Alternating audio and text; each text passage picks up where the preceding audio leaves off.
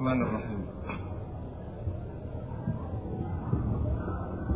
إن الحمد لله نحمده ونستعينه ونستغفره ونستهديه ونعوذ بالله من شرور أنفسنا وسيئات أعمالنا من يهده الله فلا مضل له ومن يضلل فلا هادي له وأشهد أن لا إله إلا الله وحده لا شريك له وأشهد أن محمدا عبده ورسوله يا أيها الذين آمنوا اتقوا الله حق تقاته ولا تموتن إلا وأنتم مسلمون أما بعد فإن أصدق الحديث كتاب الله وخير الهدي هدي محمد صلى الله عليه وسلم وشر الأمور محدثاتها وكل محدثة بدعة وكل بدعة ضلالة وكل ضلالة في النار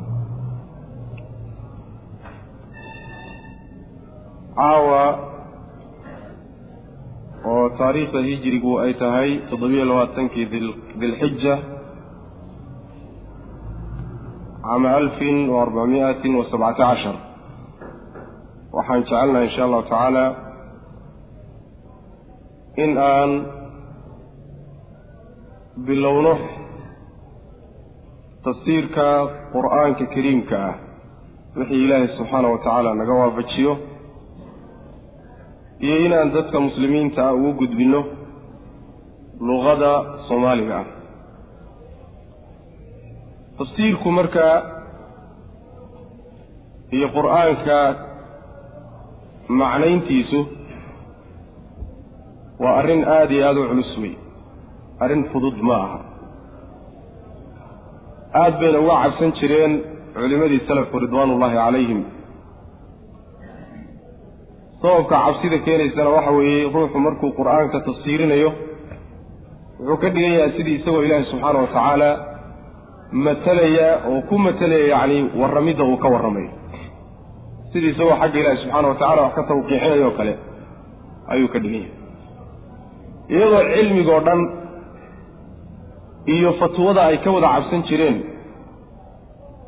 iyo ra'yiga oo macnaha mujarad ah oo diinta ilaahi subxaana wa tacaala lagu fasiro ayaa haddana si gaara qur'aanka uga cabsan jireen si gaar ah ayay qur'aanka uga cabsan jireen abubakr sidiiq radia allahu canhu ayaa waxaa laga soo tabiyaa laga soo wariyaa inuu yidhi ay ayu ardin tuqilunii wa ayu samaa'in tudilunii idaa qultu fii kitaabi illahi bira'yi yaani dhulka iqaadi kara ama iqaadaya iyo samada i hadhaynaysan ku noolaanaya tee weye haddii aan ilaahi subxaana wa tacaala kitaabkiisa ra'yigayga ku idhaahdo oo sidii aniga ila quman aan ku fasiro anaan usuushii yacni waxa weeya tafsiirkiisa aan dib ugu laabanin.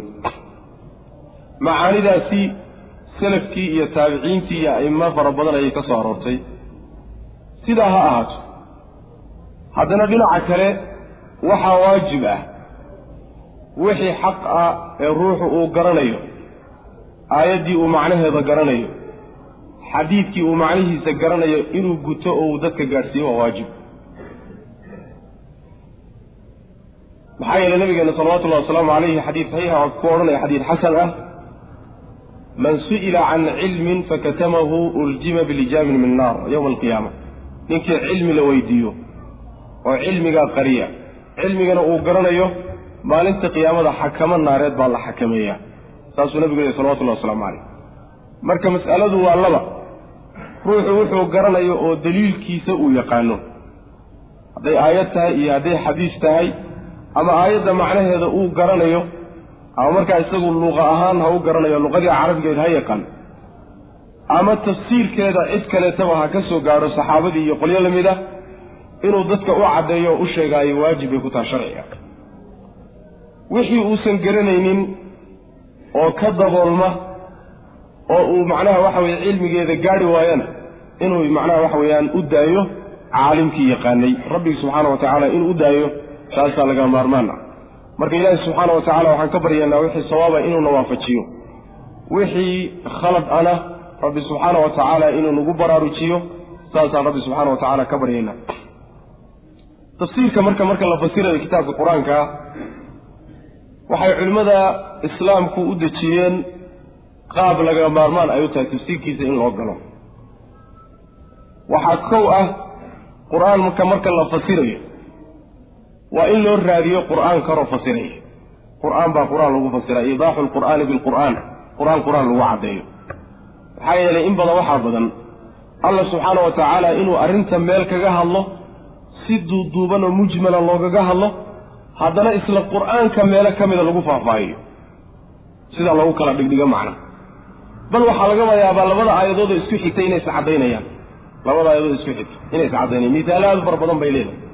Waan iska soo gaabsanayna inta qur'aan la heli karo qur'aan lagu caddeeyo oo qur'aan qur'aan fasiraya laga helayo waa in isaga la isku fasiro. Waxaa kaleeto oo iyadana qur'aanka lagu fasiraa axaadiista nabigeena salawatullahi wasalaamu calayh mastarka labaad ee macsuumka ah ee khaladku uusan ka dhicin. Maxaa yeelay nebiga salawatullahi wasalaamu calayhi ilaahay wuxuu u soo diray in uu caddeeyo qur'aanka. Wa anzalnaa ilayka adikra litubayana linnaasi maa nuzila ilayhim. Wixii loo soo dejiyey inaad dadka u caddayso darteed baan digriga kugu soo dejiyey nabi rabbilahi subxana wa tacala marka nebigu waa mubayin wey waa muwadix wey mufasirka qur'aanka fasiraya wey. Sidaas daraaddeed baa axaadiis aan yarayn oo axaadiista nebiga sal ly slam ka mida ayaa qur'aanka lagu fasiray aayaadka qur'aanka tafsiirkooda ku soo arooray.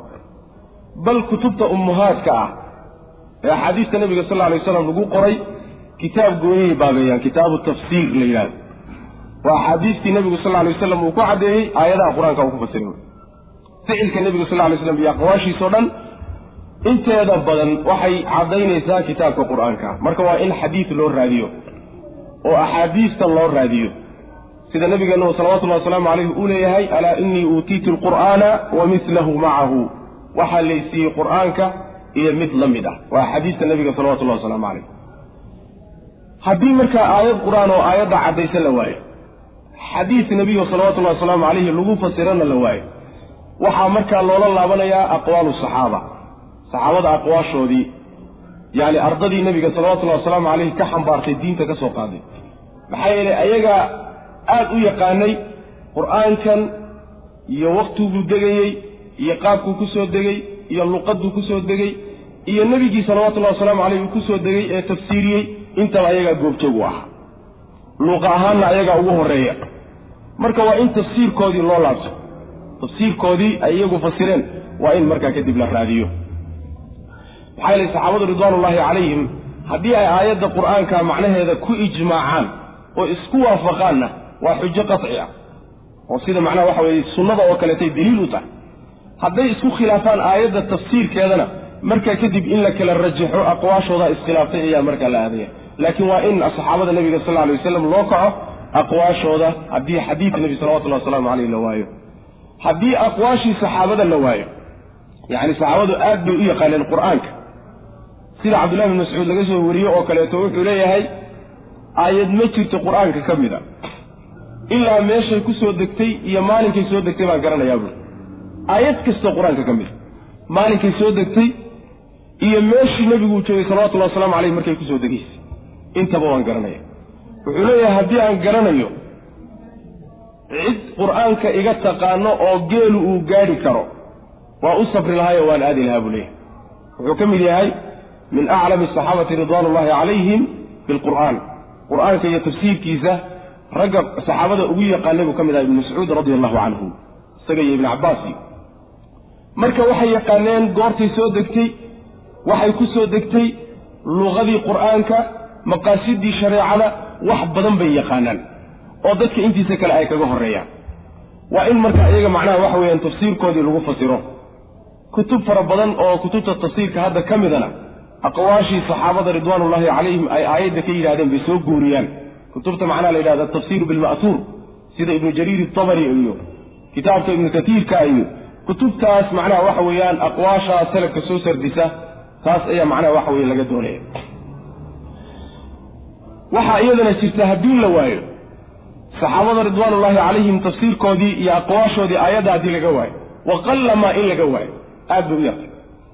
Haddiise laga waayo waxaa loola noqonayaa luuqadaa loola noqonaya leanna qur'aankani ilaahi subxana wa tacala wuxuu ku soo dejiyey alluqa alcarabiya marka qawaacidda luqada ayaa dib loola laabanayaa si aayaddan macnaheeda loo garto ama kelimadan macnaheeda loo fahmo luqadii carabiga khaasatan luqati quraysh ayaa dib loogu noqonaya ayadaasaa marka macnaha waxa weeyaan laga qaadanaya qolyo waxay leeyihiin mufasiriinta ka mid a ama culimada ka mid a salafka sida shucba iyo qolyo leh waxay leeyihiin yacni waxa weeyaan luqada ayaa ka horaysa tafsiirka taabiciinta qolada taabiciintai hormarinaya oo macnaha waxa weye aayadda luqada carabigaa fahamka ay keenayso iyo tafsiirka ninka taabiciga ka soo arooray hadday isqabtaankoodee la hormarinaya shucba wuxuu leeyahay waxaa la hormarinaya luqada.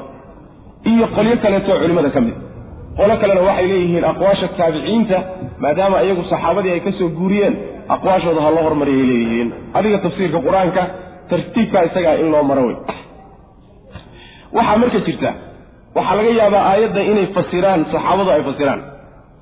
Saxaabadu markaa aayadda fasiraan inaad ismoodsiisay inay isku khilaafsan yihiin tafsiirka aayadda. Maca dalika inay isku khilaafsanayn. Aad bay u fara badanta tafsiirkaasoo kaleeto waxaa loo baxsadaa oo uruuriya yacni waxa weeyaan mutaakhiriinta. Mutaakhiriinta ibnu katiir iyo yani waxa weye culimadane ee dambaysay ayaa soo uruuriya. Tafsiir fara badan baa ka soo arooraya saxaabada ama taabiciinta markaasaa wuxuu ka odhanayaa qaala fulaanu kada wa qaala fulaanu kada wa qaala fulaanu kada. Yani walkullu isku macno wey. Kulligood hal macno unbay isku wada tilmaamayaan ama mid wuu miisaaliyey oo miisaal buu u sameeyey. Midna qayb ka mida ayuu sheegay midna qayb ka mida ayuu sheegay. Kulligoodna hal macno bay isugu imaanaysa aad baa looga faa'idaystaa marka jaanibka isaga ah qolada mutaakhiriinta mufasiriinta qaybtooda mutaakhiriinta aad baa looga faa'idaystaa waxaa kaloo iyadana runtii xusid mudan. Qur'aanka tafsiirkiisa isagoo ay iska adag tahay. Ayaa haddana marka la yidhaahdo ha la turjumo oo luqo kale ha lagu turjumo adayg baa kusi macnaha waxa waa sii adkaanaysa. Maxaa yeele waxaa laga maarmaana ruuxu luqadaa uu qur'aanka u bedelayo ee ku tarjamayana inuu aada u yaqaano luqada carabiga ee qur'aanka ku qorayana inuu aada u yaqaano qur'aan ku soo degayna waa inuu aada u yaqaano marka iyadoo tafsiirkiisii markii hore uu iska sii adkaa ayaa haddana markii la yidhahdo ha la tarjamo ama soomaaliya ha lagu tarjamo ama luqo kale ha lagu tarjamo? Runtii adaygiisu waa sii kordhaya macna. Marka ilaahay subxaana wa tacala wixii sabab ahayna waafajiyo waxaa kaloo runtii iyadana xusid mudan qur'aanka marka la yacni laysu tafsiirinayo oo dadka loo akrinayo ama ilaahay subxana wa tacala markuu soo dejiyey uguma talagelin keliyata ummaddii uu ku soo degayey ummaddii carabta ahaydee markaa uu ku soo degaya base looguma talagelin qur'aanka waxaa loogu talagalay inuu noqdo mabda adduunka maamula ilaa qiyaami saaca. Mar hadduu sidaas yahayna aayadihii lagula hadlay ummaddii waagaa joogtay maanta kuwa joogaa lagula hadlaya. Macnahaasi wuxuu diidayaa. Dad odhanaya aayaadka munaafiqiinta ku soo arooray ama gaalada ku soo arooray maxaa muslimiinta loogu soo leexinaya? Oo qur'aankii dhannaaba waxaa laga dhigay wax ummado tegey ay lahaayeen kadibna duugmay innagana dawrka iyo kaalinta inooga furan ay tahay keliyata inaan barakaysanno wax kaloo laakiin inooga furan aysan jirin. Aayaadka ku soo degay gaalada iyo kuwa munaafiqiinta ku soo degayba iyo kuwa muslimiinta ku soo degayba tilmaamo wey. Wax jinsi hebel baa sidaas ama quraysh baa sidaas ama tamiimiyiin baa sidaasoo iyaga ku gooni ama jiro. Ee laakiin waa mabaadi iyo muwaasafaad iyo tilmaamo iyo qawaacid ilaa qiyaami saaca soconaya wey ilaa qiyaami saaca. Ninkii laga helo tilmaamihii munaafiqiintu ay lahaan jireen hadee tilmaamo munaafiqiin baa laga helay waa lagu soo leexin ninkii tilmaamihii gaaladu lahaan jireen laga helana waa lagu soo leexinoo dee waxa weye danbaaba qabatay. Ninkii tilmaamihii mu'miniinta laga helana waa mu'min wey. Sidaasaa macnaha waxa weeyaan qur'aankan ilaahay subxaana wa tacaala uga dhigay xujat llahi alkhaalida. Xujada ilaahay subxaana wa tacaala ee waaraysa ilaa qiyaami saaca sidaasa looga dhigay waxaan insha allahu tacaala markaa ku rajo weynahay in aanaan sii dhexgelin runtii faahfaahin fara badan oo jawaanibta tafsiirka qaybo ka mida ku saabsan. Sida jawaanibta masalan wujuuhu lqiraa'aat oo kaleeto. Qiraa'aadka macnaha waxa weeyaan aayaadka ku jiro oo kaleeto. Maxaa yeelay dadka intooda badan haddii xataa loo sheego inaysan saa u sii fahmin baa laga yaaba takhasus gooni ay u baahan tahay. Waxaa la mid a sidoo kaleeto wujuuhu licraab yacni icraabta iyo wujuuhdeeda yani aayaddan tadaata icraabteeda iyo istisaarkeeda carabiyan sida uu yahay ayadana waxa weeyaan waa cilmu wey cilmu lkhaasa ayadana ma ku fogaan doonno ilaa inay macnaha waxa weye daruurada kallifta mooyaane ma aan macnaha waxa weye taataaban doonno. Bismi illaahi araxmaan araxiim alxamdu lilaahi rabbi alcaalamiin alraxmaan alraxiim malik yowm iddiin iyaaka nacbudu wa iyaaka nastaciin ihdina asiraata almustaqiim suuraddan suuratu alfaatixada la yidhahdaa magacyo kalena way leedahay magacyaheeda waxaa ka mid ah suuratu salaa baa la yidhahdaa suuratu salaa xadiidka inoo imaan doona markaan fadligeeda ka warramayno ayaa magacaa laga qaatay waxaa kaloo la yidhahda suuratu ruqyana waa la yidhahdaa suuraddii tufidda xadiidkii bukhaari ku jiray saxaabadu ay ku tufeen ninkii xanuunsanayey baa iyadana laga qaatay. Almathani alsabcu almathani waalqur'aan alcadiimna waa la yidhahdaa nabigaa ku magacaabay salawatullahi waslamu aleyh waa inoo imaan doontaa iyadana. Faatixatu lkitaabna waa la yidhahdaa ummu lkitaabna waa la yidhahdaa magacyaha faraha badan bay leedahay kulligeedna nusuus baa ku soo aroortay. Suurat lfaatixa marka waxay ka mid tahay qur'aanka laba qaybood oo uu qeybsan yahay kulligii qayb ka mid ayuu yihi laba qaybood buu qur'aanku u qeybsan yahay sidaan mari doonno. Marka la fiiriyo soo degitaankiisii iyo macaanida ay suuraduhu ka warramayaan mawduucaadka ama mawduucyada uu ka warramayo marka la fiiriyo ayaa culimmadu qur'aanka laba qaybood u qaybiyaan. Qayb la yidhaahdo maki ay ku magacaabaan iyo qayb madani ah mid walba meeshuu ku soo degi jiray baa loogu magac daray. Qur'aanka makiga waxay culimmadu yidhaahdaan tafsiirka ama culimmada culuumul qur'aanka ka shaqeeya. Waxay yidhahdaan makiga waxaa la yidhahdaa waa macnaha qowlka ugu xoog badan weye waxaa la yidhahdaa qur'aanka soo degay intuusan nebigu soo hijroonin salawatullahi wasalaamu caleyh qabla alhijra. Intuusan nebigu maka ka tegin qur'aanka soo degay dhowr iyo tobankii beri dhowr iyo tobankii sane ee uu maka joogay qur'aanka maki baa la yidhahdaa markuu nebigu hijrooday qur'aanka soo degay walow jidkaba ha ku sii jire qur'aanka soo degayna waxaa intuu ka geeriyoonayay laga gaadho waxaa la yidhahdaa madani baa la yidhahdaa. Madani baa la yidhahdaa. Qaybka hore marka ee makiga ah mawduucada mawduucyada uu ka warramaya ama uu cilaajinayo way isku dhadhow yihiin. Kan dambe ee madaniga ah mawduucyadu ka hadlayana waa isku dhadhow yihiin taqriiban. Mawduucyo mushtaraga ahoo labaduba ka wada hadlaanna waa jiraan. Alfaatixa marka waxay ka mid tahay qur'aanka qaybtiisa madaniga saasaa xoog badan.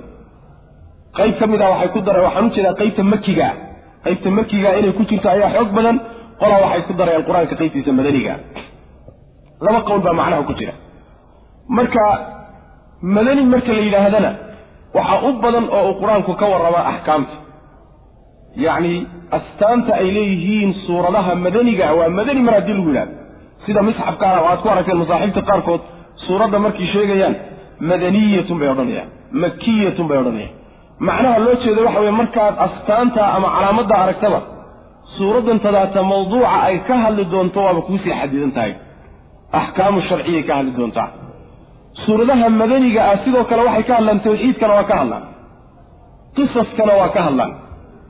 Yacni mabaadi'da macnaha waxa weye iimaankana waa ka hadlaan. Sida aliimaanu bilyawmi alaakhiri aliimaanu bilkutub iyo iimaanu birusul iyo waa ka hadlaan mawaadiicdaas laakiin waxaa u badan tawxiidka iyo bacsiga iyo qisaskii hore ee macnaha waxa weye ummadihii hore tegey iyo waxaa u badan yani waxa weeyaan qur'aanka qaybtiisa makiga ah ayaa u badan. Waxaa munaasabay culimmadu sheegaan oo ah yacni qur'aanka makiga ah waaguu degayey jawaanibta in laga dhiso ummaddu ay u baahneed waxa weeyaan jaanibka tawxiidka iyo jaanibka akhlaaqiga ah waxyaalaha lagu tarbiyeynaya waxaa ka mid ah qisaskii ummadihii hore loo soo tegiyo ilaa aakhirihi yani qaabkaasaa loo sheega.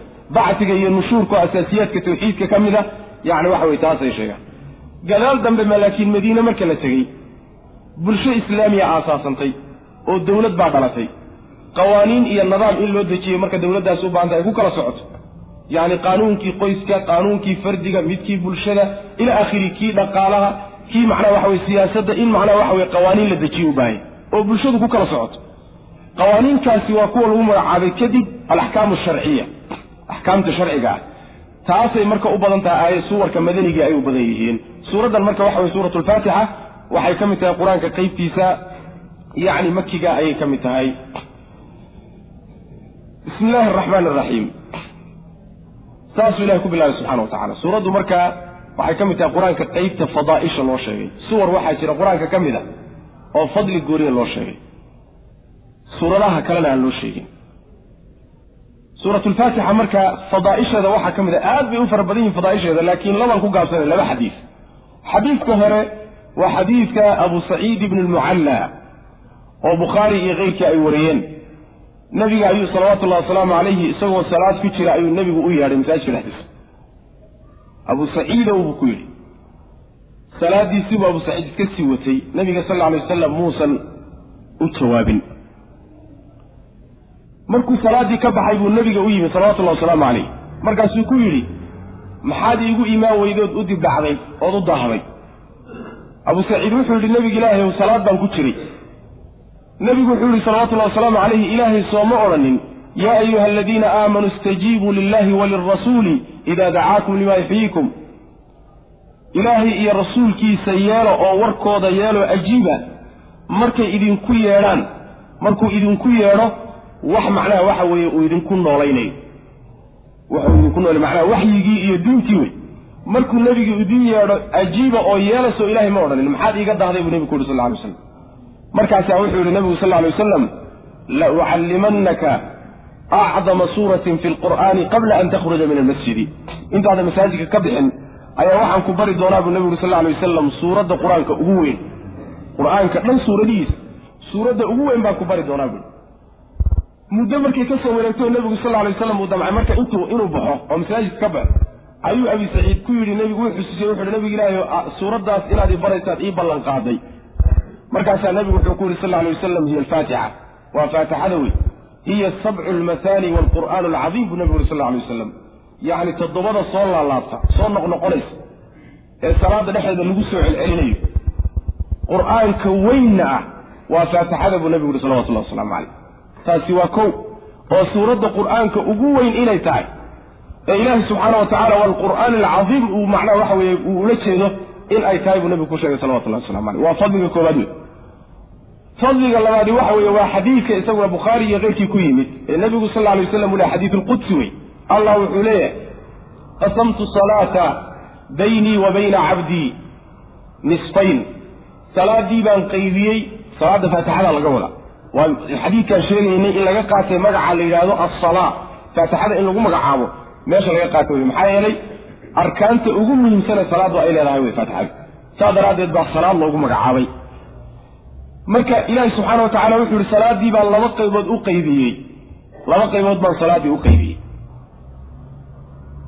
Qayb addoonkaygaa iskale qaybna anaa le buu rabbi yihi subxana wa tacala waa faatixadii. Faatixadu laba qaybood weeye qayb anaa le buu rabbi leeyahy subxana wa tacala qaybna addoonkaygaa iskale markaasaa wuxuu yidhi idaa qaala alcabdu alxamdu lilah markuu addoonku yidhaahdo alxamdu lilah markuu bilaabo qaala allahu ilaahi subxaana wa tacaala wuxuu odhanayaa xamidanii cabdii. Addoonkaygii baa imahadiyey markuu yidhaahdo rabbi alcaalamiin alxamdulilahi rabbi alcaalamiin markuu alraxmaan araxiim markuu yidhaahdo wuxuu odhanayaa asnaa calaya cabdii. Addoonkaygii baa i ammaanay maaliki yowmi ddiini markuu addoonku akhriyo oo macnaha uu yidhaahdo allah subxaana wa tacaala wuxuu odhanayaa majadanii cabdii.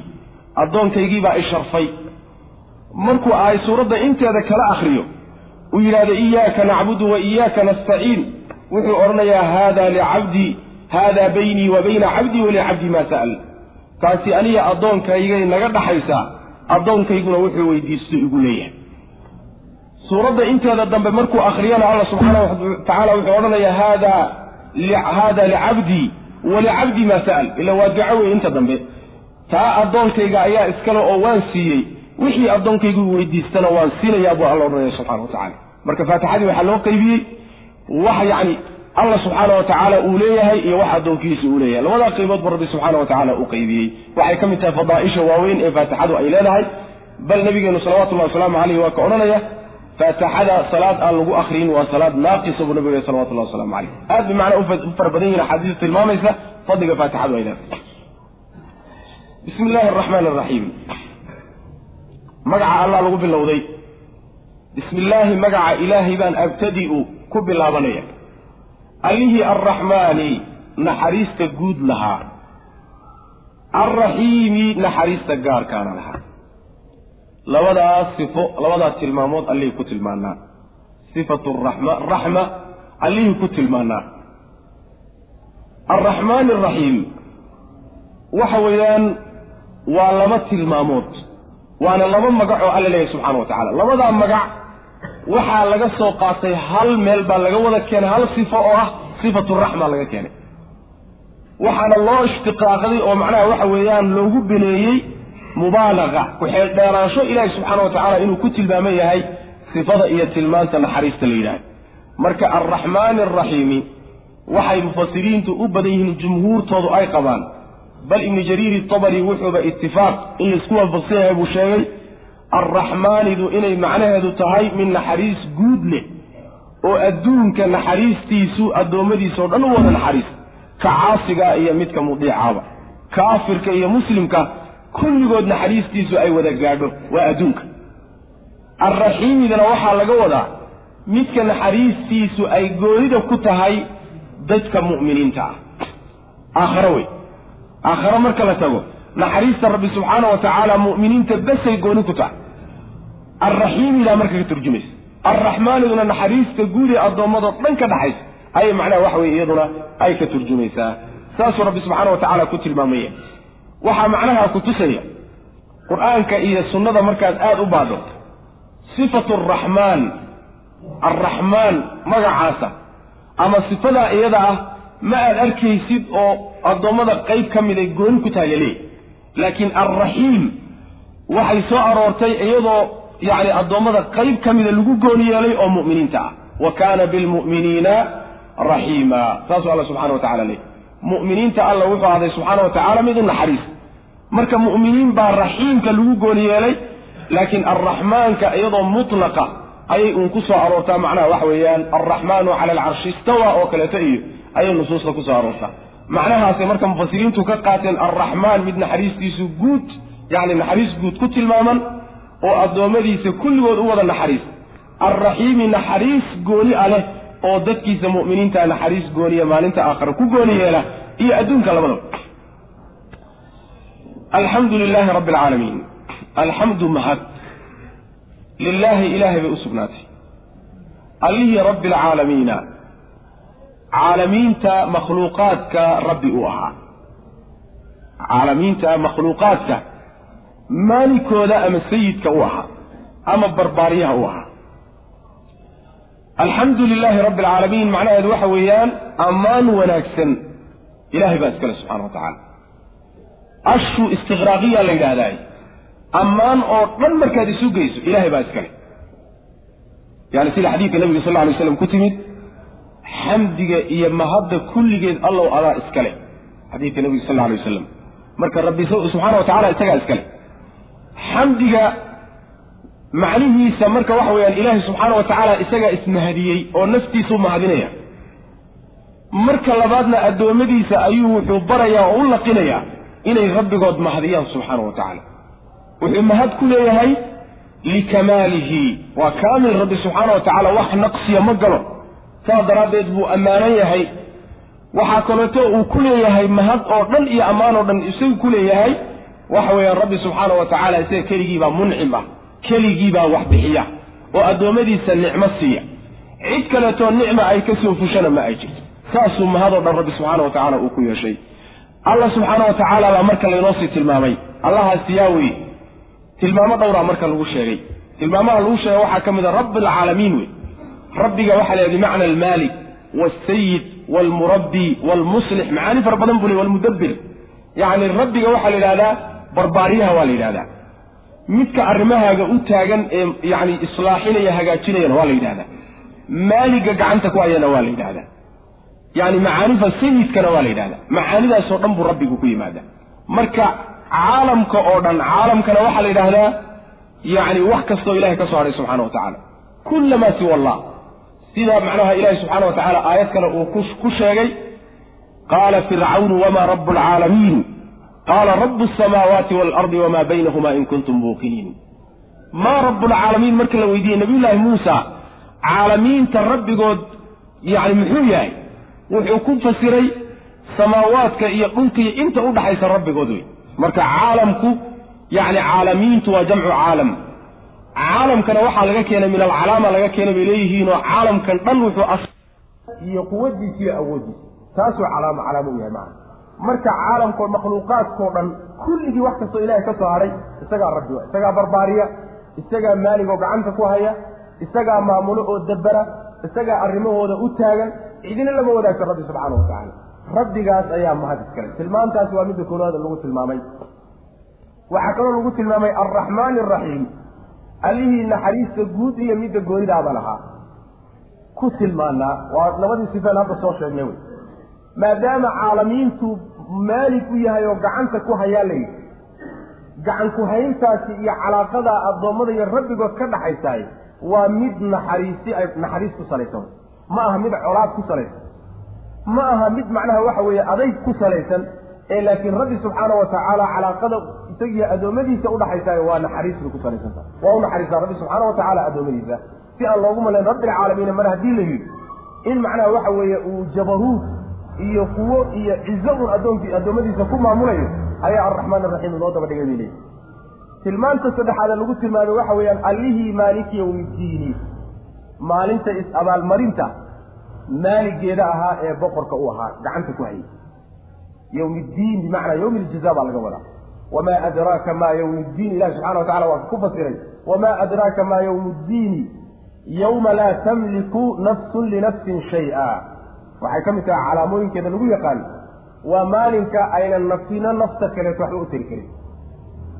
Maalinta is-abaalmarinta wey yowmaidin yuwafiihum allahu diinahum alxaqa yacni jazaa'ahum baa laga wadaa. Markay maaliki yowmi ddiini yowmi iljazaa maalinta is-abaalmarinta isagaa maaligu ah oo gacanta ku haya. Cid kaleeto oo la maamusha ama mulkigaa la wanaagsan ma jirto. Oo intaan maalintaas la gaadhin maalintaa intaan la gaadhin adduunyada maaliguma aha miya. Maalig waa u yahay lagama fahmayo sidaas tanna maalig waa u yahay middaa dambena maalig waa u yahay. Laakiin middaa dambe waxaa loo xusaya waxa weeye middaa dambe wax sheegana ma jiro. Wax la sheeganaya oo mulkiga iyo boqortooyada iyo maamulka ku haysta ma jiro. Maanta laakiin kuwa sheegadaa badan oo mulkiga sheeganayo wax ka mida un intuu dooni baa gaadhsiina sheeganaya ayaa jooga. Oo addoommadiisa rabbi subxaana wa tacala ka mid saas daraaddeed baa maaliki yowmi ddiini maalintaa iyadaa macnaha mulkigiisa rabbi subxaana wa tacala si gooniya loogu xusay. Tilmaamaha marka rabbi lagu tilmaamay subxaana wa tacaala waxaa la leeyahay oo mufasiriintu ay leeyihiin tilmaamaha intooda kale rabbi uu leeyahay asmaadiisa iyo sifaadkiisoo dhan intanaa gundhig u ah. Kulligood halkanay ku soo wada laabanayaan. Halkanay macnaha waxa weeyaan ku soo iyagoo dhan isugu soo biyo shubanayaan ayay leeyihiin macna iyaaka nacbudu wa iyaaka nastaciin ihdina asiraata almustaqiim hadalka qaybtiisaa hore ilaahay baa lagu tilmaamayaa subxaana wa tacaala.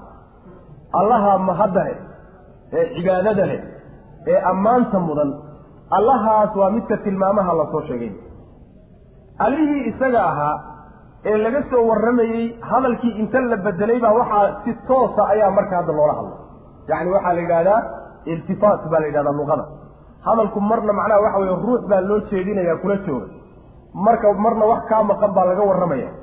Marna adigaaba hadlayaba marka yacni markii hore waxay ku soo socotay alla oo laga warramayo subxaana wa tacaala. Sidaas weye alle sidaas weye haddana waxaa loo jeedsaday adigii oo hadlay. Iltifaat baa la yidhahdaa yacni waxay soo jiidataa oo macnaha waxa weeyaan ay yani waxa weye jeclaysiisaa hadalka dadka hadalka dhegaysanay maxaa yeele hadalku hadduu hal nabad hal usluubun hadduu ku socdo dadku waa ka daalaan laakiin haddii loo badbedelo loo rogrogo macnaha waxa weeyaan nufuustiiyo quluubtay soo jiidanaysa hadalkii marka kaybaha iyo ka waranka ku socday baa la wareejiyo waxaa la yidhi iyaaka allow adiga keliga ayaanu nacbudu caabudi. Wa iyaaka allow keliga ayaanu nastaciinu kaalmo weydiisan. Keligaa baanu caabudi oo keligaa baanu kaalmo weydiisan. Iyaaka nacbudu waxay la macno tahay laa ilaaha ila allah oo kaley la macno tahay. Kelimatu tawxiid oo kale way macnaheed macnaha waxay ka kooban tahay diiddo iyo ogolaansho diiddo cibaadada loo diidayo wixii ilaahay ka soo hadhay iyo ilaahay keligii oo loo sugayo. Diiddadu waxay ku jirtaa iyaaka. Macmuul baa la yidhaahdaa oo nacbududa ayaa ku camal falaysa macmuulka haddii la hormariyo sida cilmul usuulka iyo culuumulbalaaqa ku sugan haddii macmuulka la hormariyo xasri bay keentaa. Xasri bay keentaa. Macnaha waxa weye shaygoo la uruuriyo oo la koobo oo macnaha waxa weeyaan wadaagga la wadaago laga soo uruuriyo keligaa baan allow nacbudu caabudina macnaha cibaadada cid kale wey cibaadada cid kaloo la wadaagta rabbigan ma jirto subxaana wa tacala aayado fara badanoo marka macnahaa leh yuu ilaahi subxaana wa tacaala qur'aanka uu ku sheegaa. Kelimatu tawxiid macnaheed oo kalea iyaaka adiga keligaa baanu nacbudu caabudayna waxaa markaa yani waa midii addoommada laga doonay. Allihii soo tilmaanaa ee tilmaamaha qiimaha badan aan ku soo tilmaanay addoonka xaggiisa waxa laga doonayo waxa weeyaan inuu caabudo wey keligii weliba cibaadada ku doonaya cid kaleetana uusan la wadaajinin oo uusan garab dhigin rabbi subxaana wa tacala wa iyaaka nastaciinu. Cibaadadii markii la sheegay baa waxaa la sheegay keligaa baan allow kaalmo ku weydiisanayna.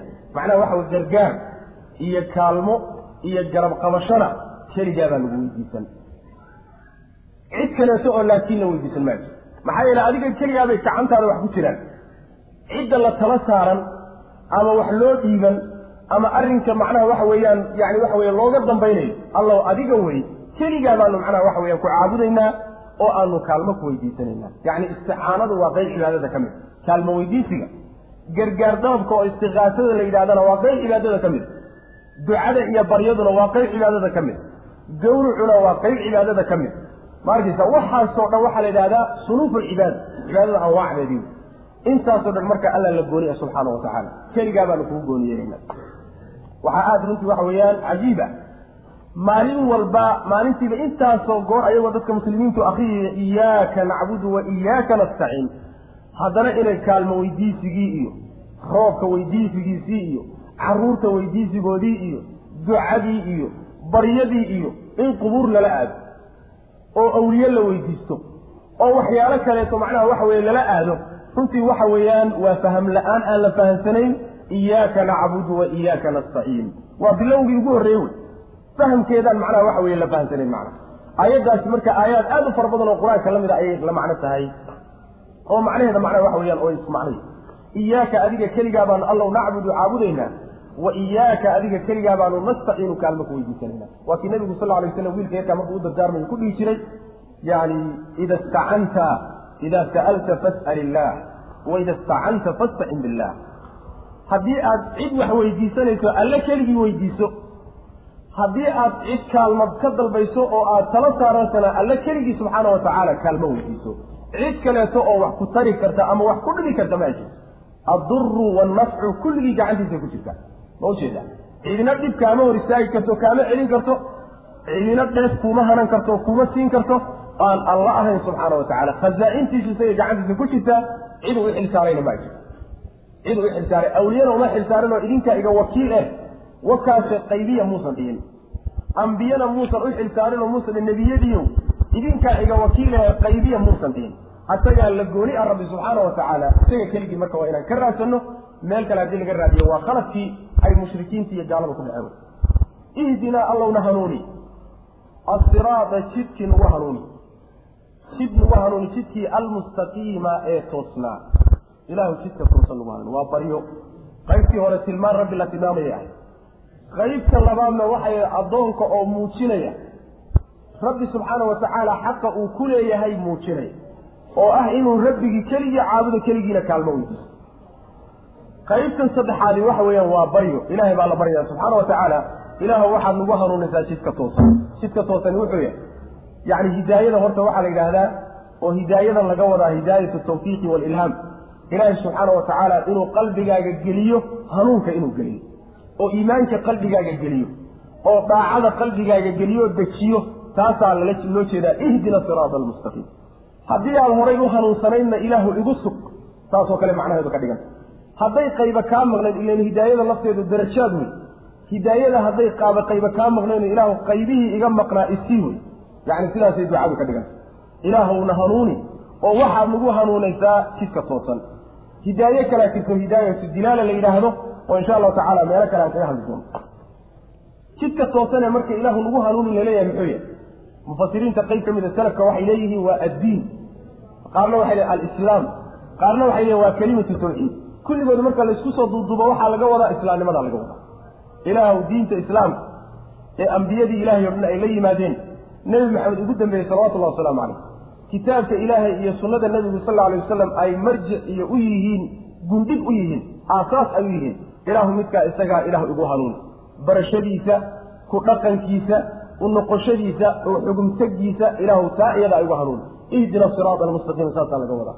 Ilaahu igu hanuuni jidka toosan waxaa yidhi nabigeena salawatullahi wasalaamu calayhi aayadda markuu sharxayay wa ana hada siraatii mustaqiiman fattabicuuhu kaasi jidkaygii weeyaane raaca mid toosan xaal wey nabigu sal alay waslam waa kii jidka dheer jeexay hareerihiisana jidadka badan ka jeexay ee uu dhihi jiray jidka ilaahay ee toosnaa uu sheegayo waa midkaas weyn. Hareerihiisa waxa ka leexleexdana waa jidadkaa faraha badan. Mid walbana shaydaan baa taagan dadka ugu yeedhay. Waa duruqda kale wey mabaadi'da kale iyo yacni madaahibta kale iyo yacni dhaqamada kale kuwaas ayaa macnaha jidadkaa kale shayaadiintu dadka ugu yeedhayaan laakiin hal jid keliyata weeye oo mustaqiim ah jidka ilaahi subxaana wa tacala jidkii isaga habaa marka la fiiqi ah. Jidkaa mustaqiimka ah shee wey ihdinaa allowna hanuuni asiraada jidkii lagu hanuuni almustaqiima ee toosnaa. Siraada aladiina kuwii jidkooda ilaahu nagu hanuuni. Ancamta aada u nimcaysay calayhim dushooda. Jidkii waxaa lagu qeexay qolyihii mari jiray qolyihii horay u maray ayaa jidka lagu caddeeyey kuwaad u nimcaysay jidkii ay mareen ilaahu nagu hanuuni aayaddu kuwaa loo nimceeyey maysan maysan tilmaamin kuwa iyo. Laakiin aayad kalu ilaahi subxaana wa tacala ku caddeeyo inoo imaan doonta waman yutic illaha waarasuula faulaa'ika maca aladiina ancama allahu calayhim min alnabiyiina waasidiiqiina waashuhadaai wasaalixiin waxasuna ulaa'ika rafiiqa. Qolyahaas yacni ambiyadii iyo sidiiqiintii iyo saalixiintii kuwa iyaga awey shuhadadii ilahay dartii loo dilay kuwaasi jidkay mareen ilaahuna mari jidkaasi jidkee waa jidka islaamnimada waa jidka ilaahi subxana wa tacala diinuu soo dejiyey diintuu rabbi soo dejiyey subxaana wa tacaala oo dhaqan laga dhigto oo la barto oo iyada loo xugum taga middaa iyadaa wey jidka ilahi subxana wa tacaala addoommadu ay ka baryayaan siraada aladiina kuwii jidkooda allow nagu hanuuni ancamta aada u nimcaysay calayhim dushooda aada ugu nimcaysay macnaha adduunna waa loo nimceeyey aakharana waa loo nimceeyey laba guulood bay gaadheen adduunka waa loo nimceeyeyo raaxo iyo barwaaqo iyo deganaansho iimaani uu ilaah siiyey subxaana wa tacaala iyo adduunka jidkii laga mari lahaa oo uu baray aakhare markay tagaanna ilaahay subxaana wa tacaala arag araggiisa isaga la arko jannaadkiisa wax loo dhiga aan lahayn halkaasuu rabbi subxaana wa tacala ugu nimcaynay hayri lmaqduubi calayhim wala adaalliin jidkii marka la qeexay qoladii mari jirtayna lagu tilmaamay si aan qolyo kaleeto loo moodin oo qolyo dad kaleeto aysan macnaha waxa weeye sheega ayna u sheeganin yacni jidkaasi inuu jido kaleya ayaa haddana weliba la sii bayaaniyo la sii cadday hayri lmaqduubi yacni waxay sifo u tahay alladiinada kuwii aada u nimcaysay jidkoodii alla nagu hanuuni kuwaasoo hayri lmaqduubi kuwii loo cadhooday calayhim dushooda loo cadhooday aan ahayn. Kuwaas kayrkooda macna yacni kuwii loo cadhooday ma aha. Wala adaalliina wagayra adaalliina kuwii lumayna aan ahayn. Kuwa aada u nimcaysay ee jidkooda inaadna marisa aan ku weydiisanaynaaye laba qolo midna ma aha. Qolada loo cadhoodayna ma aha. Qolada lumayna ma aha ee baadiyoobay labadaa qolay udhexeeyaan labadaa qolay udhexeeyaan labada qolee marka midna loo cadhooday midna luntayiyo yihiin. Jidka qolada ilaahay uu jecel yahay een weydiisanayne loo nimceeyeyna uu labadaa jid udhexeeyo labadaa qolo udhexeeyo maqduubi calayhimta sida saxiix ibni xibbaan iyo jaamic tirmidi ku yimid xadiis saxiixa oo cadiy ibni xaatim uu warinayo. Nebigu wuxuu yihi sal lla alay wasalam alyahuudu maqduubun calayhim waalnasaara daalluuna buu nabigu yihi salawatullahi wasalaamu caleyh yacni yuhuuddu maqduub kuwa loo cadhooday waa yuhuud nasaaraduna waa kuwa lunsan buu nabigu yihi salawatullahi wasalam daalliintu waa nasaara iyo kiristanka nimanka la yidhahdo yahuudduna waa kuwa loo cadhooday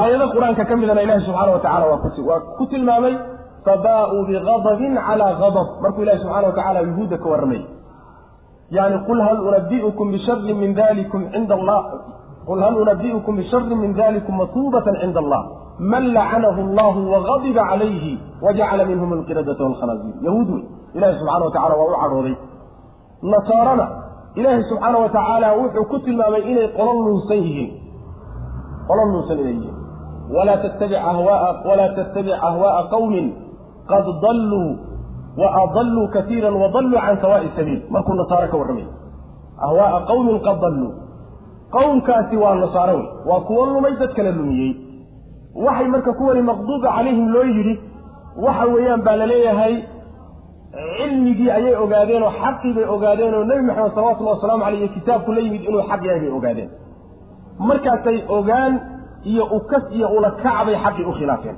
waa garab mareen nasaaradana waxaa daalliin loogu tilmaamay. Jaahilnimaa haysa ayagu daacad wey oo qalbigooda yacni waxaa ku jira idinku xaqa raaca laakiin jahli baa haya. Maba ayna baranin markii horeba. Jahli bay marka ilahay inay ugu dhawaadaan oo ku caabudaan isku dayayaan. Qoladan taata yuhuudduna xaqii waa garteen oo cilmi waa u yeesheen laakiin camalkii baa laga waayay. Dariiqa marka kuwa loo nimceeyey een ilaahay weydiisanayne labadaa qolo midna ahayn waxa weeye waa qoladan la timid waa ariiqu cilmi naafici waalcamali saalix cilmi naafica iyo dhaqankiisii oo la socda. Dariiqaa isaga ayaa waxaa la yidhaahdaa yacni siraada aladiina ancamta calayhim jidka loola jeedo midkaas. Maxaa yeelay laba jid baa lagu cadeeyo lagu qeexay. Macnaheedu ma waxa weeyaan marka yuhuuddu daalliin maaha miya. Nasaaraduse maqduubi calayhim maaha miya. Maxaa qoladana maqduubi calayhim loogu gooni yeelay? Qoladana daalliin loogu gooni yeelay labada qolobaad mid kasta daalliinna waa tahay maqduubi calayhimna waa tahay laakiin tilmaamaha ha wadaageen kulligoode qolo walba macnay ku xeel dheerta oy ta kale uga badantay yahuudduna qadabka iyo cadhada ilaahay ee ku dhacday khaas ku tahay oo si gooniya ugu xusanta nasaaraduna jahliga iyo garasho la'aanta iyo baadinnimada ayay iyaduna si gooniya ugu xeeldheer qolo walba marka sifadii ay ku xeeldheereen baa lagu tilmaamay ma diidayso markaas tilmaanta kalena inay la qabaan. Sidaas weyan macna. Siraada aladiina kuwii jidkooda alla nagu xanuunaya ancamta aada u nimcaysa calayhim dushooda hayri lmaqduubi kuwo loo cadhooday aan ahayn calayhim dushooda hayri lmaqduubi kuwii loo cadhooday calayhim dushooda loo cadhoodayna aan ahayn ee kuwo kala. Wala daalliina wahayra daalliina kuwii lumayna aan ahayn. Labadaa qolo midna aan ahayn kuwaa jidkooda ilaahu nagu hanuuni. Ducadaasa macnaha waxa weeyaan aayaddii suuraddii lagu khatimay. Marka ruuxa muslimka ee marka ducadan ku ducaysanaya waa inuu khilaafo dariiqu lyahuud wa dariiqi nasaara labada waa inuu khilaafo. Dariiqa markuu labadaa dariiqba khilaafo dariiqa la doonayo inuu qaato iyo mabda'a dhaqanka la doonayo inuu qaato waa dhaqankii ambiyada iyo sidiiqiinta iyo shuhadado dariiqa markuu khilaafayo waa inuu horta cilmi barto kow ninkii aan cilmi baranin oo jahli isku dayo ilaahay inuu ku caabudo isagoo jaahil ah iyo aabbaan sidan ka soo gaadhay iyo dadka unbaa sidaa samaynaya waxa weeyaan siday culimmada salafku ay leeyihiin fa fiihi shabahun min annasaara. Nasaaru dhinac uga egyahay ma u jeedaa uu ekaan nasaaro uyuu dhinac uga egyahay ninkii intuu cilmi barto wuxuu bartay ku dhaqmi waayo oo faraha ka qaadana fa fiihi shabahun min alyahuud.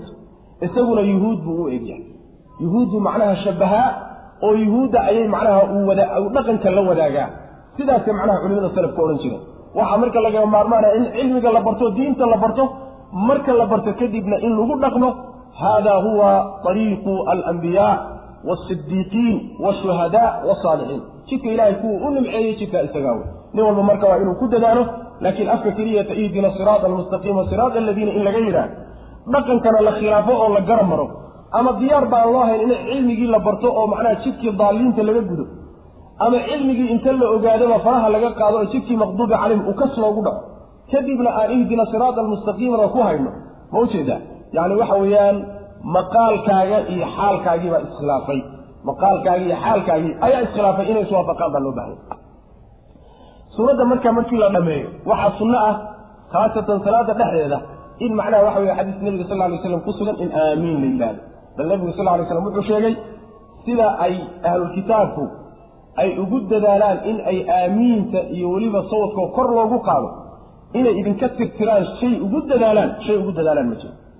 Aamiintaas inay ka takhalusaan say ugu dadaalaan macna marka waa sunna xadiista nabigeena salawatullah waslamu aleyh ku bismi illaahi araxmaan araxiim suurat lbaqara suuradeedi waa suuro iyadana madani ah qur'aanka qaybtiisa madanigaa bay ku jirtaa waana suuradda qur'aanka ugu dheer weeye. Fadaa'il gooniya bay iyaduna leedahay. Axaadiista nabigeena salawatullahi wasalaamu caleyh ku soo arooray.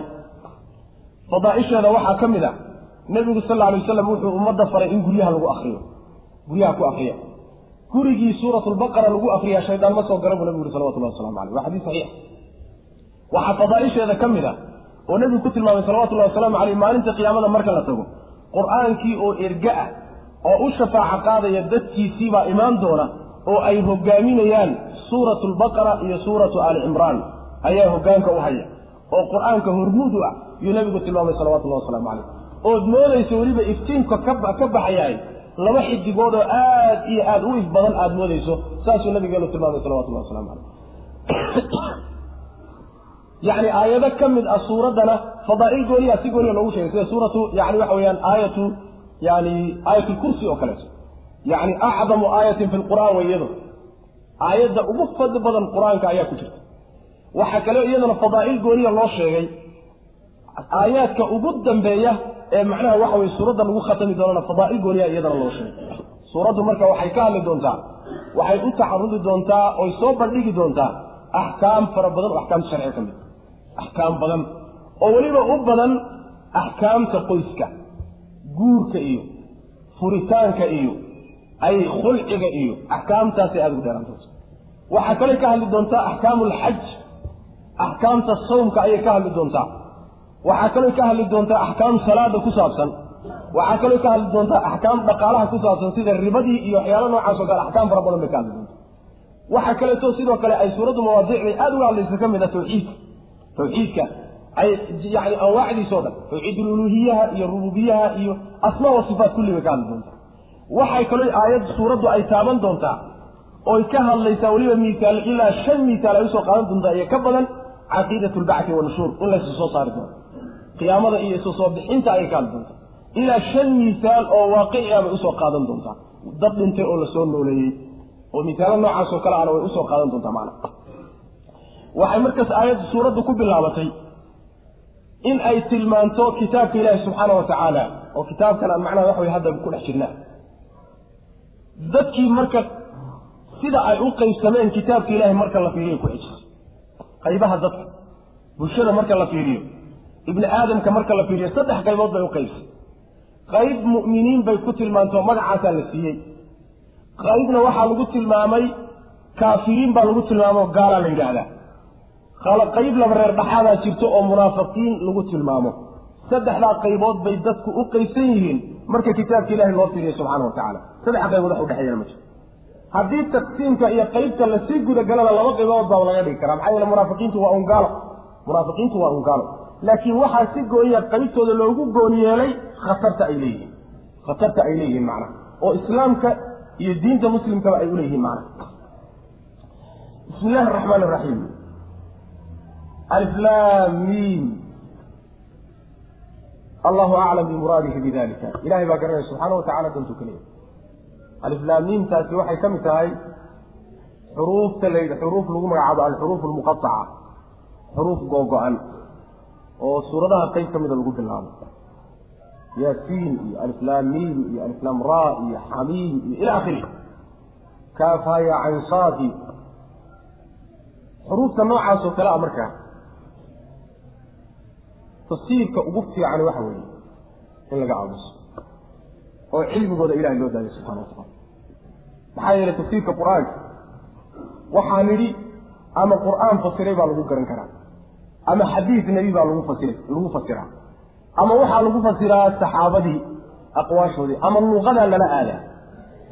Intaa midna aayad qur'aan oo alif laamiim waxa looga jeedo sheegaysa sheegaysa lama hayo alif laamiim macnaha laga wado xadiis nebi oo sheegayana lama hayo. Luqada carabiga haddii dib loogu laabtana kelime la yidhahdo aliflaamiim oo macno kule luqada carabigaana ma jirto. Aliflaamiim kelime la yidhahdo oo luqada carabiga dhexdiisa macno kule ma jirto. Lama hayo. Waxa kuu soo hadhay waa tafsiirkii marka saxaabada. Saxaabada qayb ka mid a ka hadlay oo tafsiirkooda sheeg sheegay tafsiirka isaga ah markaa maadaama kelimadan aan carabiyan loo garanaynin nebigana aysan ka soo guurinin salawatullahi wasalaamu calayhi waa ijtihaad. Ijtihaadkana waxaa fiican sida mufasiriinta qayb badanoo muxaqiqiintooda ay leeyihiin in laga hadlo oo la yidhahdo ilaahay baa garanaya cilmigeeda subxana wa tacaala. Sidaasaa ugu nabadgeliye fiican maxaa yeelay berita maxaa lagu odhan loodhan lagu odhan maayo maxaad macnaheeda u garan weyday. Maxaad macnaheeda u garan weyday waa lagu odhan maayo. Laakiin haddaad yani waxa weye dhex gasho oo waxyaalaha la sheeg sheego qaybo ka mid a aa sheeg sheegto waxaa lagu odhan karaa xageebaad daliil maxaad cuskatay? Maxaad daliilku ood cuskatay markaad sidaa ku tafsiirisay maujeedaa xujo waa inaad haysato marka. Waxaa ugu fiican marka tafaasiirta la maro in macnaha waxa way faraha laga qaado la yidhaahdo ilaahay baa cilmigeeda yaqaana. Sidaas weyaan dalika alkitaabu waxay yani mufasiriinta fiirinayaan qaybo ka mid a meelaha ay qur'aanka ka dhacaan iyo shayga ka dambeeya marka la sheego xuruufta muqatacada ayay macnaha waxoogaa weheshadeen way fiirfiiriyeenoo way baadheen markaasaa waxay yidhaahdeen inta badan waxaa la keenaa. Marka la sheego xuruufta qur'aanka laga dambaysiiya. Waa in qur'aanka la sheego marka iyaga la sheego. Halkaasi marka waxoogaa waxay kala baxeen. Oo macnaha munaasabo ah waxay la baxeen in ujeeddada loo keenay ay tahay in dadka lagu dareensiiyo qur'aanku inuu mucjiz yahay. Inaan lala iimaan karaynin oo awoodda ibni aadamka uu ka baxsay. Saasaa lagu dareensiinaya maxaa yeele carabtu waxyaalahay ku faani jireen ee waagaas lagu kala dambeeye waxaa ka mid ahaa haddii hadda cilmi lagu kala dambeeyo waxaa lagu kala dambeyn jiray fasaaxada iyo balaaqada. Ninba ninkuu ka baliiqisan yahay ka fasaaxa badan yahay ka aftahansan yahay ayaa boqortooyada iyo qadarinta iyo macnaha ciziga la siin jiray. Nimankii marka fusaxada ahaa iyo bulaqada ahaa ayaa marka waxaa la hordhigay kelimo carabi ah. Haddana maca daalika macnahooda ayna garanayin bal la imaada ma garan karaan cajazuu mar hadday caajizeen qur'aankani wuxuu ka kooban yahay xuruuftaas oo kaluu ka kooban yahay.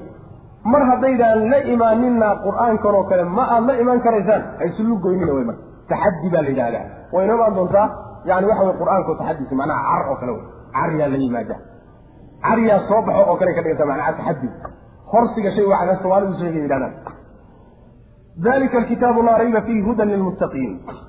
Dalika midkan alkitaabu ee kitaabkiihi laa rayba wax shaki ah fiihi dhexdiisa muusan ahaanin hudan huwa isagu hudan hanuun buu lilmuttaqiina dadka dhowrsada buu hanuun u ahaaday. Kitaabkan wax haba yaraatee shakiga dhexdiisa kuma jiro. Macnaha waxaa laga wadaa xagga ilahay inuu ka soo degin xaqna uu yahay. Shay la shakiyo ma aha. Muxuuna shaki ugu sugnayn dadka qaar baaba shakisanoo diidane macnaha waxaa laga wadaa baraahiintiisa iyo xujajka uu wato iyo iftiinka ka baxaya siduu u muuqdo xaqnimadiisu. Shay laga shakiya ma ah. Laakiin dad waxaad arkaysaa shaygoo si kasta u iftiimaya qoraxdaasi qoraxnimo aan u garawsanayn dadka waa iskaga jiraan sooma kuwaasoo kale marka laguma tashado. Laakiin xujajkiisa iyo baraahiintiisa marka la fiiriyo shay uu shaki geli karaba ma aha. Shakiba maba geli karaba saasuu rabbi ku tilmaamaya subxana wa tacala laa rayba fiihi. Dalika marka waxaa la leeyahay yani shay shay fog oo tilmaantiisa oo kalea la siiyey. Dalika kaasaa haddana waa mid dhawa waa hoos yaallaan maxaa tilmaanta fog loo siiyey? Waxaa loo siiyey mansiladiisaa sarraysa. Daraje ahaan iyo mansilu qur'aanku aada ugu sarreeya. Markaasaa waxaa laga dhigay sidii shay kaa fog oo kaleetaa laga dhigay. Dalika marka loo tilmaa loo isho. Laakiin macnaha laga wado sida ibnu cabbaas iyo mujaahid iyo saciid iyo ay leeyihiin waxaa laga wadaa dalika alkitaabu ay hada alkitaabu. Kitaabkani laa rayba wax shakiya fiihi dhexdiisa ma ahaanin hudan huwa isagu hudan hanuun buu lilmuttaqiina kuwa dhowrsada u ahaaday. Muttaqiinta waxaa laga wadaa kuwa ku dhowrsada ilaahay daacadiisa. Ka dhowrsada waxa ilaahay cadhadiisa iyo ciqaabtiisa u soo jiidaya kuwaasaa muttaqiin la yidhahda waa kuwa ilaahay ka amar qaata wuxuu ka reebayna ka hadha macnaha haddii la soo uruuriyo muttaqiga kaasaa la yidhahda asalkeedana waxaa laga keenay min alwiqaaya dhowrsiga shay markaad gaashaan ka dhigato shay kale aad kaga ilaalinaysaa la yidhahda addoonka ilaahay subxaana wa tacaala diintiisa ku dhaqmaya wuxuu ka reebay. Sidaa daraaddeed baa muttaqiin loogu magacaabay dadka iyaga. Ayib ma qolyaha keliyuu hanuun u yahay? Qolyaha keliya miyuu hanuun u yahay? Qolyaha kale iyagu aan muttaqiinta ahaynen qaadanaynin ee kitaabkan aan ku dhaqmaynin hanuun uma aha miya uma aha. Wanunazilu min alqur'aani maa huwa shifaaun waraxmatu lilmu'miniin walaa yaziidu adaalimiina ilaa khasaara. Yacni wuxuu u yahay yacni caafimaad iyo daawo u yahay. Naxariisna u yahay dadka mu'miniinta ee muttaqiinta maxaa yeelay ayagaa ku intifaacay oo qaadanaya hadday daawo halkaa taallo daawadaa ninkii qaata oo isku caafimaadiye oo isticmaalo unbay waxu tari sooma laakiin ninkii daawo ahaan u haysta meeshaana ay iska taallo una dhowaanin amay daawo u tahay. Daawo uma ah sidaa daraaddeed baa loogu tilmaamayaa khasaaro wuxuu u yahay dadka daalimiinta bu rabbilahi subxana watacala maxaa yeelay cadaab iyo ciqaab iyo qoomamo iyo ayaan darro ayuu u kordhin doonaa. Tegitaanka ay ka tageen ku dhaqankiisa. Muttaqiintii baa marka laynoo sii tilmaamay. Muttaqiin ayaa tihiin. Yani qeexitaanka faraha badan waxaa laysu daba dhigaya waxa weye waxaa laga ixtiraazayaa oo layska ilaalinaya dadka sheegadka dad badan baa haddaan sidaa wax loo qeexin anigu muttaqi baana iska odhan. Mu'min baan anigu aha iska odhanay. Waxbana aan gacan ku haynin.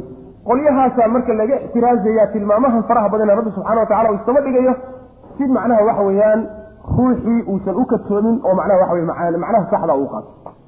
Alladiina kuwa muttaqiinta alladiina muttaqiintaaso yu'minuuna rumaynaya bilgaybi waxa la qariyey rumaynaya. Waxa maqan. Wa yuqiimuuna toosinaya asalaata salaadana toosinoo hagaajinaya. Wa mimaa rasaqnaahum waxaanu siinay een ku irsaaqnay qaar ka midana yunfiquuna bixinay.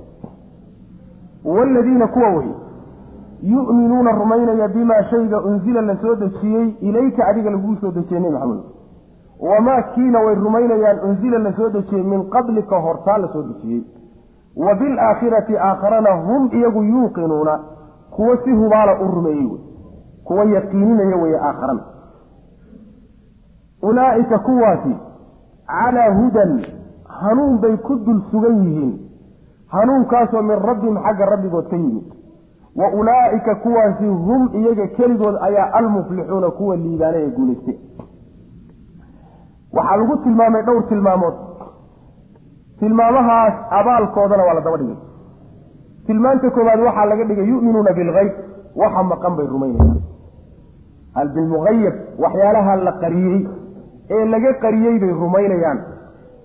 Haybka waxaa laga wadaa marka tafaasiirta salafka laysu keenkeeno waxaa laga wadaa wax walba oo aan macnaha waxa weeyaan ayna xawaastu qabanaynin dareemayaasha iyo caqligu wuxuusan dareemaynin ama uusan qabanaynin ama aan loo soo sheegin wixii ka soo hadhay baa waxaa la yidhaahdaa hayb la yidhahdaa haybka marka waxaa soo gelaya in la rumeeyo la doonayo ee lagu tilmaamayo inay rumeeyeen waxaa soo gelaya allah subxaana wa tacaala. Allah baa soo gelaya. Waxa uu ku soo gelaya rabbigan subxaana wa tacaala maynaan arag maynaan arag. Kayfiyadiisa iyo qaabkiisa iyo kulligiisuna isaguna waa hayb waa inaga maqanya haybka waxaa soo gelaya sidoo kale malaa'igta alla subxaana wa tacaala waa hayb waa waxaynaan macnaha waxa weeyaan aynaan arag. Waxaa kaleeto iyadana haybka soo gelaya oo la mida macnaha aakharo iyo macnaha waxyaalaha dib ka imaan doona. Jannada iyo naarta iyo kulli waa hayb haybka waxaa ka mid ah saacadda iyo imaaraadkeeda iyo waxyaalahu nebigu ka warramay salawatullahi wasalaamu caleyh ee dib ka soo socda ayaguna waa hayb wax alla wixii hadda asoo ka dambeeya o dhan waa hayb haybka waxyaalahaas o dhan waxaa soo gelaya rusushii hore tegey iyo kutubtii hore tegey iyaguna hayb wey. Haybku marka wuxuu soo gelaya usuululiimaan oo dhan baa soo gelaya.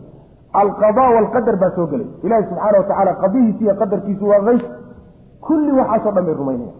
Way rumaynayaan waxaa laga wadaa wixii mar hadduu hayb yahay waxaa lagu ogaan karaa oo cilmigiisu kugu soo gaari karaa hal dariiq keliya waa dariiqa waxyiga dariiqa waxyiga un baa lagu ogaan karaa. Dariiqa waxyigu hadduusan waxbaba ka sheegin waxba kama garan karno. Laakiin waa inaan sidaa ku rumayno haddii uu qeyb ka mida sheegayna qeybtaa uu sheegay iyo sidaa uu u sheegay waa inaan rumayno wixii dheeraadka ana waa inaan macnaha waxa weeyaan duuduubka aan ku rumayno yu'minuuna bilhaybi sidaasaa laga wadaa. Haybka waxyaalaha inaga maqan ee macnaha waxa weye aanaan arag kuwa iyaga ah ayay rumaynayaan bu rabbi ku tilmaamay subxana wa tacala waa tilmaanta koobaad ee dadka muminiinta loo sheegay. Haybkana ilahay keligii baa subxaana wa tacaala idinlama oga. Idinlama oga. Laa rususha walaa malaa'igta walaa haybka oo dhan wax la og ilahi subxana wa tacala ma laakiin haybka haybo ka mid ah ayuu malaa'igta rabbi subxaana wa tacaala u muujiyaa. Rususha u muujiyaa. Addoommadiisa qayb ka mida u muujiyaa. Intaa uu muujiyey waxaan ahay ninkii raadiya oo ama ku raadiya xidiga fiirin ama macnaha waxa weeyaan faalfaal iyo dhulna jeexjeexa ku raadiya ama kitaabo la kala furo ku raadiya ama jin lala shaqaysta ku raadiyahay daalim wey haybka lama ogaan karo waa in sidiisaa lagu rumeeyo muslimiinta mid tilmaanteeda koowaad waxa wey yuminuuna bilhayb haybka markay rumeeyaanna iimaan qalbigaa keliya ma ahee salaadii bay toosinayan yuqiimuuna asalaa iqaamada waxaa laga wadaa macaani badan baa soo gelaysa. Salaadii inaad daa'imto oodan marna ka tegin marna tukan inaad daa'imto way soo gelaysaa iqaamada waxaa soo gelaysaa arkaanteedii iyo shuruudeedii iyo hay'aadkeedii inaad la timaado. Waktigeeda inaad ilaaliso. Khushuucdeeda inaad ilaaliso. Nebi maxamed salawatullahi wasalaamu calayhi iyo qaabkuu u tukaday macnaha waxa weye inaad u tukatood macnaha waxa weye barato. Taasaa iqaamada laga wadaa. Qur'aankuna waxa uu adeegsadaa salaada marka laga warramayo. Yuqiimuun. Yusalluun lama yidhahdo yusalluuna lama yidhahdo yuqiimuuna baa la yidhahda iqaamada waxaa yhahda toosintaa la yidhahda shaygood samayso sidii loo rabayna aada u samaysaa iqaamada la yidhahda ta layska doonayana middaa iyadhaa wey laakiin mujarad tukasho keliyeed ma layska rabo. Taa iyadaa macno mana waxaa kaloo lagu xijiyo tilmaamahooda ka mid a waxa ilaahay ku irsaaqay subxaana wa oo uu siiyey qayb ka midana way bixinayaan. Maxaa laga wadaa? Ma wada bixinayaane qayb bay bixinayaan baa layihi qaybtaa aayaddu ma tilmaamin laakiin aayad kaloo ilahay ku tilmaamay subxana wa inoo imaan doon suuradda yas'aluunaka maada yunfiquuna qul ilcafwa siyaadada wixii daruurada nafta baahida loogama maarmaanka wixii dheeraadka ah ayay bixinayaan. Saasaa la doonaya in la bixiyo. Waa mid ilahi subxana wa aayad kaleeto oo aayado kaloo imaan doona uu ku leeyahay walaa tajcal yadaka magluulatan ilaa cunuqika walaa tabsutha kula albasti gacantaada mid luqunta ku laabanna ha ka dhigin oo bakayl ha noqonin. Mid iyadoo dhan wada fidyana ha ka dhiginoo waxa gacantaada ku jiro dhan hala wada bixin ma ujeeda laakiin dhexdhexayso waxna bixi waxna adiga baahidaadii iyo tacalluqaadkaadi ugu talagal. Saasaa laga wadaa wa mima razaqnaahum yunfiquuna qadarka laga bixinaya waa qadarka isaga. Waxaa laga wadaa zakadii waajibkaydna waa laga wadaa sadaqada tadawucana way soo gelaysaa. Macnahaasa macnaha waxa wey raajixa laakiin mufasiriinta qaayda ama zakada ku gooni yeelaya waajibka ah ama sadaqaadka ku gooni yeelaya in laakiin caam laga dhigaa wanaagsanaayo wa mima razaqnaahum yunfiquuna. Tilmaamaha kale loo tilmaamay waxa waxay rumaynayaan kitaabkan qur'aanka way rumaynayaan nabi maxamed uu soo dejiyey salawatullah waslamu caleyh waxaa kaley rumaynayaan kutubtii ka horreysana waa rumaynaya. Rumaynta kitaabka la rumaynayo iyo kutubtii hore rumaynta la rumaynayo farqi baa udhexeeya kutubta hore rumaynta la rumaynayaay waa iimaan mujmala la yidhahda waa iimaan duuduuban. Oo macnaheedu waxa weeye inuu ilaahay subxaana wa tacaala kitaab tawreedlala soo dejiyey xaqna uu ahaa reer binu israa'iil loo soo dhiibay oo loo soo diray. Nabiyullaahi muusena lagu soo dejiyey saa ubaad rumayn waa duuduubantaa ma ujeeda wax intaa ka dheeraada lagama rabo. Laakiin kitaabkeennan rumaynta la rumaynayaay waa iimaan mujmal iyo mufasal ah. Intaa markaad rumayso kadib waxaa lagaa doonayaa inaad u hogaansanto dhaqankiisii iyo awaamirtiisii iyo nahyigiisii iyo axkaamtiisii iyo kulli waa inaad u hogaansanto iimaankiisu waa sidaas laakiin waan rumeeyey oo keliya iimaan ma ah iimaan mujmala way iimaanka mujmalkaana kutubtii hora iska leh kitaabkani iimaan mufasal ah buu uga baahan yahay dadka muminiinta inay ula yimaadaan. Kadibna ilaahi subxaana wa tacaala wuxuu ugu dambeysiyey tilmaamahooda aakharana way yaqiininayaan. Aakhare macnaha waxa wey maa bacda almowt baa laga wadaa. Geerida wixii ka dambeeya qabriga iyo dhibaatooyinkiisa ama naciimka uu leeyahy yacni qiyaamada iyo xashrigeeda isla xisaabtanka iyo is-abaalmarinta meeshaa taalla dhibaatooyinka la sheegay ee meeshaa yaalla jannada iyo naarta kulanka rabbi lala kulmaya subxaana wa tacaala kulligeed waxaasoo dhan in la rumeeyo. Wabilaakhirati yuuqinuuna saasuu rabbi ilahi subxana wa tacala yaqiin baa marka laga cabiray haddii shaki yar uu kugu jiro maadan macnaha rumaynin. Wa bilaakhirati hum yuuqinuun. Sidaas intaasoo tilmaamo dadka laga helay. Dadkaasi waa dadka hanuunka ku dul sugan. Calaa hudan hanuun bay dusha ka saaran yihiin oyna marna ka degaynin. Sidoo kaleeto dadka hanuun liibaanay waa iyaga keligood. Wa ulaa'ika hum lmuflixuuna liibaanina ayagay gooni ku tahay. Iyaga keligood ayaa liibaanay. Dadka intooda kaleetana waa khasaareen wey macna. Alladiina kuwa yu'minuuna rumaynaya bilgaybi waxa maqan ee la qariyey bay rumaynayaan. Wa yuqiimuuna waxay oogayaan asalaata salaadiina way toosinayaan wa mima razaqnaahum waxaanu ku irsaaqnayn siinay qaar ka midana yunfiquuna way bixinayaan. Wladiina kuwaasoo yu'minuuna rumaynaya bimaa shayga unzila la soo dejiyey ilayka adiga laguu soo dejiyey wamaa unzila kii la soo dejiyey min qablika hortaa la soo dejiyena way rumaynayaan. Wa bilaakhirati aakharana hum iyagu yuuqinuuna. Si dhab ah kuwii u rumaynaya u yaqiininaya ulaa'ika kuwaasi calaa hudan hanuun dushii ayay ahaadeen. Hanuunkoo min rabbim xagga rabbigood ka yimid wa ulaa'ika kuwaasi hum ayaga keligood ayaa almuflixuuna kuwa liibaanay. Ah ina aladiina kafaruu sawaaءun calayhim a andartahum am lam tundirhum laa yu'minuun. Khatama allahu calaa quluubihim wacalaa samcihim wacalaa absaarihim gishaawa walahum cadaabun cadiim. Waxaan sheegnay saddex qaybood inay dadku u qeybsan yihiin marka loo fiiriyo kitaabkii suuraddu ku bilaabatay iyo mowqifka ay ka taagan yihiin. Qayb waa dadka mu'miniinta ah ee kitaabkii rumeeyey dhaqan ahaanna u qaatay qaybta labaadna waa qoladan hadda laga hadlayo waa kaafiriin way diideen. Qaybta saddexaadna waa munaafiqiinta oo darsiga habeen dambe insha allahu tacala noqon doona. Munaafiqiin baa la yidhahda ayagaana ugu war taqriiban saddex iyo toban aayadood baa iyaga lagaga warramay. Baynamaa qolada hore afar aayadood qolada dambena macnaha waxa weeyaan qolada dhexe kaafiriinta ana laba aayadood saddex iyo toban aayadood munaafiqiinta loo gooli yeelay yani waxa weeyaan dhibkooda iyo khatarta ay leeyihiin daraaddood waa qolo qarsoowe maxaa yeelay qoladaas gaaladaa dhinac bay taagan yihiin oo warkooda waa sacdi. Mu'miniintuna dhinac bay taagan yihiin oo warkooda waa sacdi.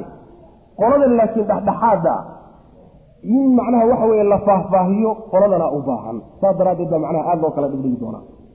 Ina aladiina kuwa kafaruu gaaloobay. Ee kitaabkii la soo sheegay iyo mabaadicdii hadda la soo sheegay diiday ku gaaloobay. Sawaaun mustawin calayhim sawaaun calayhim ay mustawin calayhim dushooda waxaa ku siman andartahum u digtayaa am lam tundirhum umaada digina? Way u simanta yacni sawaaun calayhim dushooda waxaa ku siman indaaruka wa cadamu indaarika. Digitaankooda aada iyaga u digto oo cadaabka ilaahay iyo ciqaabtiisa aada uga digto iyo aamusidaada aad ka aamustoodan wax digniinaba aadan u yeelanin waa u siman tahay bu rabbilahi subxana watacaala laa yu'minuuna laba gooraba ma rumaynayaan maba rumaynayaanba saasuu rabbilahi subxana watacala yacni waxa weeyaan aayaddu ay tilmaamaysaa qoladaasi waa qolo ushoodu meel uga go-anta go'aan baa meel u yaalla. Go'aanka meesha u yaallaayo waxa weeyaan haddii si walba wax loogu sheego oo xujada loo gaadhsiiyo oo wax loogu faahfaahiyo inaysan waxba qaadanin wax sheegooda iyo sheegid la'aantooda marka waa isku mid. Maxaa yeelay laba gooraba natiijadu waa inaysan rumaynin. Natiijadu laba gooraba waa rumayn la'aan wey. Sidaasuu rabbi ku leeyahy subxana wa tacala sida aayad kaleeta aan ugu tegi doono suuraddan dhexdeeda mathalu ladiina maxaa ayadda qur'aanka kamathali aladii yanciqu bima laa yasmacu ila ducaaan wa nidaaa. Ma ujeeda sidii macnaha waxa weeyaan sidii xoolo ruux ku dhadhawaaqaya oo u heesaya sidiisoo kale. Xoolo macnaha dheelmaya dhadhawaaqaasoo kaleay ku tahayba sida xooluhu dhawaaqa aada u bixinayso waxba ayna uga fahmaynin. Oyna waxba uga qaadanaynin.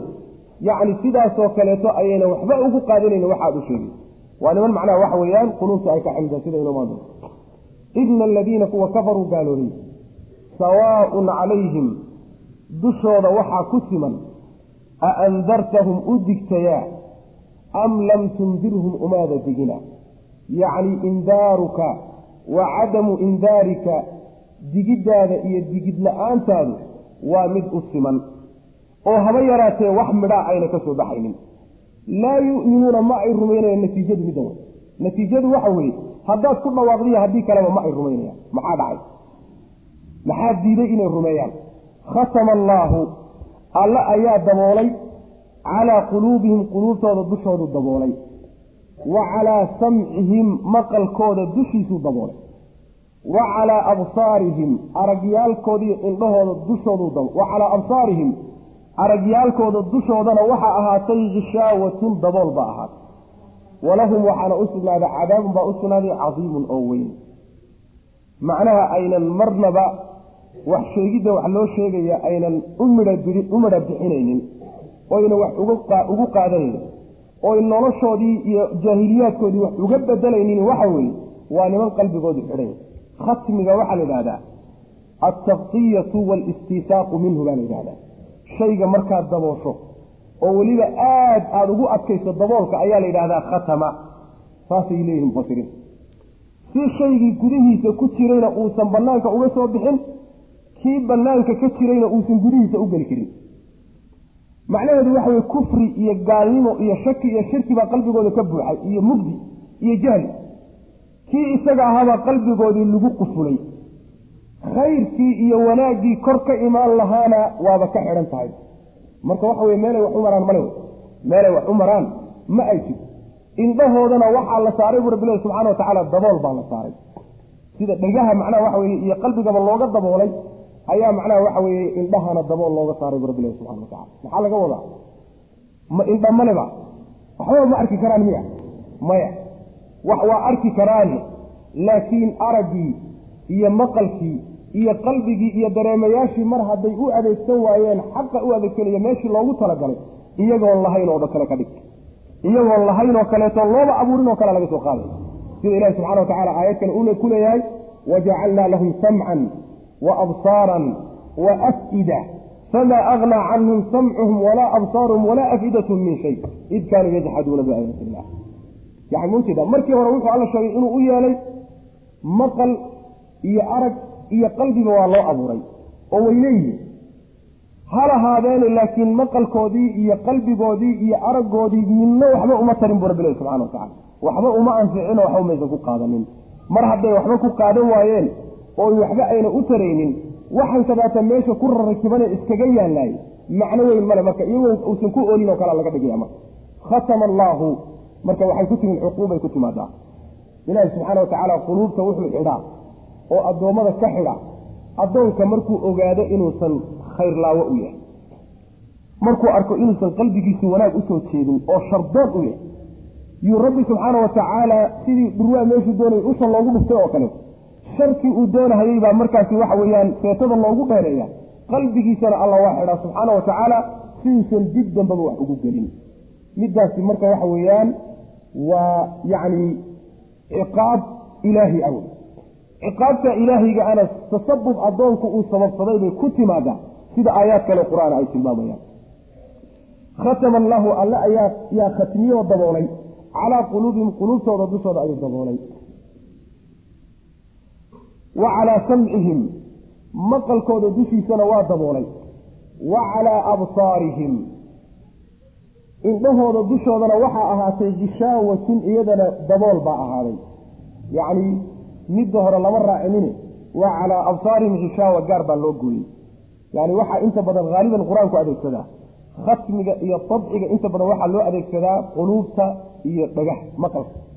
Laakiin indhaha inta badan gishaawa loo adeegsadaa afara'ayta man ittakhada ilaahahu hawaa wa adalahu allahu calaa cilmin wa khatama calaa qalbihi wa samcihi wa jacala calaa basarihi gishaawa inta badan saasuu qur'aanku adeegsadaa yani waa isku wada macno isku macno dhow laakiin gishaawa indhaha loo adeegsadaa khatmiga iyo dabcigana waxaa loo adeegsadaa quluubta iyo macnaha waxa way samciga loo adeegsadaa wa calaa absaarihim aragyaalkooda dushoodana waxaa ahaatay gishaawatun dabool baa ahaaday walahum waxaana u sugnaaday cadaabun baa u sugnaaday cadiimun oo weyn maxaa yeelay maadaama quluubtoodu soo xidhnayd wax khayra iyo iimaana ma gelin qalbi aan iimaan gelinna abaalkiisu waxa weeyaan waa cadaabka weyn weye waa cadaabka aakhara wey cadaabka weyn rabbi sheegaya subxana wa tacaala. Wallahu aclam wsala allahuma wslm ala